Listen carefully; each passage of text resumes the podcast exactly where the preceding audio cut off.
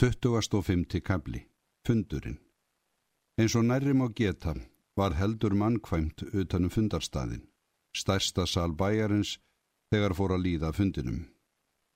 Snjór hafði verið á jörð undan farna daga. Nú var komin hláka með slagviðri. Göturnar voru fullar af krapi. Mönnu var kallt á fótum og vatni spýttist langt upp eftir fötunum þegar stíi var til jarðar. Og vindurinn og regnraglandin lömdu menn geðvonskulega. En áfram ösluðu menn. Þannig til komið var að þyrpingunni og ekki var komist lengra. Ekki leindist það kunnugumönnum að það var einhverjum lið Þorbjarnar sem hafði skipað sér næst dyrum til þess að vera við búið að komast inn þegar opnaðir því. Þorbjörn stóð sjálfur uppi á efsta þrepi riðsins við dyrnar mikilúðlegur eins og hann var vanur en gladlegur og ljúmanlegur og mælti við þá er næstur honum stóðu. Það ætlar ekki að koma öllu færra í dag en þegar hann var víður, saði Þorbjörn og glotti við. En munurinn er sá að nú stíga mæntanlega fleiri í stólinn en prestarnir, saði annar og glotti líka. Niður í þvögunni var ókýrt. Mönnum var svo kallt og ónótalegt öllum. Ráslægin smög alla leið inn í sálirnar Sumur kostuðu köldum hnjóðsyrðum að þeim sem þeir náðu til og þeim var svarað á sama þeli. Aðri reynda að láta forvitnin að hlýja sér. Hver skildi byrja? Ætla það verið ekki Þorbjörn sjálfur? Hvað skildi presturinn segja? Ætla hann meðgangi? Hver ætla eigi að berum það að presturinn hafi sofið hjá Sigurlaugu? Vita menn það með vissu að presturinn sé orðin katholskur? Hvað er um þessa andatrú? Hefur presturinn vækið nokkura upp? Þú ættir víst heldur að spyrja hvort hann hefði kallað nokkura fram. Spurningarnar hrutu hér og þar í þyrpingunni þjett eins og regndróparnir, en fæstum þeirra var svarað og sumir urðu leiðir á þeim og spurðu hvert fjandan allar þessar spurningar ætti að gera eins og menn fengi ekki að vita þetta bráðum og spurningonu lindi. Allar sundurleitar hugsanasprænur tóku smátt og smátt að renna út í eitt stórfljót. Laungunina til þess að nú er þið farið að opna og menn þyrti ekki að standa þarna lengur. Mönnum fannst veðrið vera að kólna og þeim kom samanum að það veri von svonundir kvöldið. Eitt sagði að nú væri að verða kvitt það sem úr honum kæmi. Annars sagði að það væri bölfuð vittleisa. Ekkert annað en bara venjulegt regn hvort hann væri vittlaus, hvort hann þekkti ekki regn frá snjókomu. Þeim hlínaði dálitið á því að rýfast um þetta, en aðri fengu ekki notið þessa ils, og óþólinn mæðin fór vaksandi. Loks var öskraðu utan úr þögunni. Hvers vegna í anskotunum láti þér ekki fara að opna, Þorbjörn Ólafsson? Ég stend hér niður í podli upp á mjóalegg. Ég er ekki skildugur til að standa hér lengur svona hundvotur og þurbrjósta þó að ég hafi lofað að vera á móti prestinum. Það var Rólfur Hrip sem talaði. Hripiði farið að leka, sagði einhver hátt, menn hlóu. Það er fleirum kallt en Rólfi. Hvers vegna er ekki opnað, spurði þá annar. Og nú hvað við um allan hópin. Við heimtum að nú sé opnað. Við viljum hafa það. Við mölfum gluggana ef ekki er opnað. Þorbjörn tók til máls hátt og snjált svo að menn heyrðu til hans í storminum langt út í mannfjöldan. Það hefur ekki verið auglist að opnaði erði fyrir en klukkan sjö. Ég get ekki við þetta ráðið, ég á ekki húsið og ég fikk ekki lofórð fyrir liklum fyrir en húsið verður opnað. En þér sögðuð okkur að koma löngu fyrr, öskraði Rólfur Ripp. Þorbjörn leit ekki við Rólfi, let sem hann heyrði ekki til hans og hjælt áfram erindi sínu. En vilji einhver skjótast til mannsins sem á ráð á húsinu úti í vesturgötu og beði hann um líkilinn, þá fer því svo fjarrri að mér sé að með því að ég teldi það mikinn greiða. Mér er kallt eins og fleirum, þó ég standi ekki niður í neinum podli. Nú kom dinjandi lovaklapp og hundruðum saman öskruðumenn. Líkilinn, líkilinn. Ummælið Þorbjarnar voru látin berast út í þyrpingar í aðrana. Þá tóku sig upp heilir hópar og lupu allt hvað af tók. Eftir dálitla stund barst svo fregn frá manni að líkillin væri ófáanlegur. Húsið erði opnað að innan, en ekki fyrir ná henni tilteknu stund.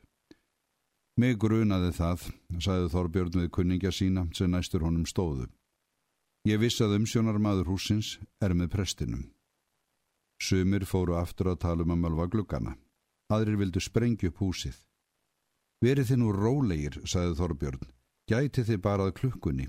Hanna vantar ekki nema fimm minútur. Það er ekki til vinnandi fyrir fimm minútur að fremja neina ofbeldisverk. Menn fjallust á það.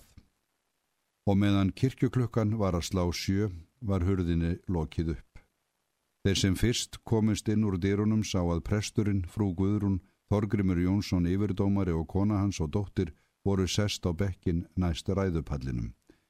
Þeim hafði verið hleyft inn um hliðardir án þess að áhefði borið. En tími varst enginn til þess að hugsa neitt um það þann svipin. Mannfjöldin braustinn og hratt þeim áfram sem á undan voru, lavmóður og másandi flegðum en sér í sætin, þessum í þau náðu, lesu andanum langt frá sér og þurkuðu sér í framann með vasaklútonum og letu út um salin fagnandi út af því að hafa náð landi, heilu og höldnu úr öllu brimrótinu. Allt fylltist á sveipstundu. Sætin fylltust, gangarnir með fram sætunum fylltust, aukt rúm aftan við sætin fylltust. Allstaðar maður við mann, haus við haus, karlar og konur, ungir og gamlir, heldri menn og smælingjar, allt í einni bendu og loftið fylltist af ylvatsangan og áfengistöun og svitalikt og blöytri vaðmálsfílu og alls konar efnum öðrum. En salurinn tók ekki nema lítinn hluta þess mannfjölda sem komið hafði. Utan úr forstofinni heyrðu stóljóð. Það var einhver lasburða kvennmaður að nýga í ómegin og tróðast undir. Kvellurödd barst inn í salinum að opna glukkana svo að fólkið gæti hirtað út sem framfæri. Glukkunum var lokið upp og fólkið ruttist að þeim eins og kindur að jötu. Stormurinn lamdi minn. Rigningin gerði þá rennandi vota. Kallt krapavatnið lagði stöðtanum fæturna. Samt stóðu menn kyrrir, snýru eirunum að glukkunum og hlustuð af allri þeirri áfergju sem til var í hugskotum þeirra. En ekkert var enn að heyra innan úr salnum. Þeir mega verða skemmtilegir ef þetta á að verða tilvinnandi var sagt utan við eitt glukkan. Fyrir utan annan glukkan sagði einhver Hver myndi hafa trúa því að höfustadurinn myndi nokkur tíma eiga henni sigurlegu litlu aðræðin skemtun að þakka? Aðræðin skemtun og þá að standa hér og drepast líklegast á eftir úr lúnabolguða tæringu, sæði þá annar og hóstaði. Því ferði ekki heimaður, sæði sá þriðji. Þegiðið, þegiðið, var nú sagt fyrir utan alla glukkana. Uss, uss. Þorbjörn var komin upp á ræðupallin. Honum var fagnað með dinjandi lofakleppi um allan salin. En hvað það er annars gaman á svona fundi, sagði Ingi Björg við grófu Pétus. Hún var einn þeirra grannkvenna hennar sem hann hafi fengið með sér og þeim hafi tekist að hanga kvorri á annari í þvögunni og ná sætum saman. Ingi Björg var í góðu skapi. Hún vissi að hún hafði unnið til stífélana. Og lofaklappið tók þegar að hossa hug hennar og hleypa í hana fjöri.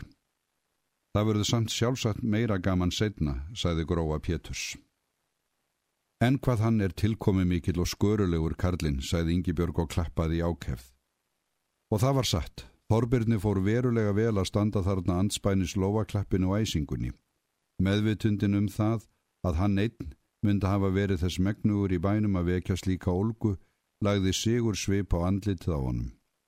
Og vissan um ótspyrnuna, jók, stælinguna í andliti hans og reyfingum.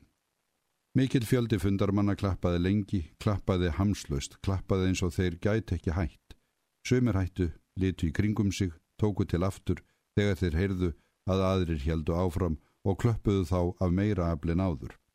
Þorbirni fannst þetta vera eina af hinnum mikilfengligustu stundum æfisinnar. Hann tók til máls þegar lofaklappinu lindað lokum. Menn fundu að aldrei hafði verið meiri karlmennska í raust hans. Ég leifi mér að setja þennan fund í nafni sóknarnemdarinnar. Ég þakka mönnum fyrir hvað vel þeir hafa sótt fundin. Ég get ekki komið orðum að því hvað mér fellur það illa að ekki skuli hafa verið und að bjóða fundin um sal sem tekið gæti alla þá sem hafa vilja að komast hingað inn. Því verður að tjalda sem til er. En þetta sínir Hvort það var ófyrir sinju gert af safnaðarnemdini eða gagstætt vilja bæjarmanna að hveðja til þessa fundar eins og sumblöðin hafa verið að halda fram. Og ég þakka mönnum fyrir þær viðtökur sem ég fjekk þegar ég kom hér upp á pallin. Ég miklast ekki af þeim. Ég veit að menn voru ekki að klappa fyrir mér. Ég veit að allir þeir sönnu og góðu Íslendingar sem klöppuð áðan, þeir voru að klappa fyrir því tækifæri sem Dómkirkjusöfnuðurinn fær nú til þess að sína það að hann beri fyrir brjósti siðgæðið og trúarbröðin og sæmt höfustæðarins. Þessi orð vöktu þunga fagnaröldu fram í salnum. Bravo, bravo, ágætt, ágætt, velmælt og drengilega og menn klöppuð ákaft. Þorbjörn tók aftur til máls, þegar kyrð komst á. Að því að þessum fundi er ekki ætlað að taka neinar lögheimilegar ákvarðanir getur ekkert annað verið eftir eðli sínu en vottur þess hver tröst og álit söfnurinn hefur á presti sínum hefur safnaðarnemdini þótt sjálfsagt að allir fermdi safnaðarmenn fengju atkvæðisrétt á þessum fundi, giftum konum, lausakonum, vinnukonum og, og því þá ekki ráðskonum, var nú kallað kvelt fram í salnum og var háðsreimur í röddinni. Menn hlóðu á klöppuð og stöppuð í gólfið um stund. Æsingin gerði menn næma á allt skens. En Þorbjörn let ekki þessa tröflun raska rósemi sinni. Hann beigð þar til er hægðist og sagði þá brosandi og einstaklega góðlátlega. Já, því þá ekki ráðskonum. Ég við kynst þeirri stjætt þjóðfélagsins svo mikið að það sæti ekki á mér að setja þær hjá. En var klappað. Gamli maðurinn deyr aldrei ráðalus. Bravo, bravo, áfram, áfram. Annars ætlaði ég að segja það, meldi Þorbjörn, en fremur, ef þið hefðu látið mig hafa næði til þess að kvennfólkinu og lítilmótlegustu smælingum safnaðarins eru trúarbröðin ekki síður dýrmætt og þar af leiðandi mannor þeirra sem Guðsorð flytja en hinnum sem meira vald er veitt með lögunum. Við sjáum það best á því hverjir kirkjuna sækja og þar með læt ég útrætt um það mál, ég vona að allir séu með samdóma. Heyr, heyr, já, já. Mikið lofa klappa nýju. Og þá verður næsta verk fundarins að kjósa sér fundarstjóra. Vilja menn gera svo vel að koma með tillögur um hann.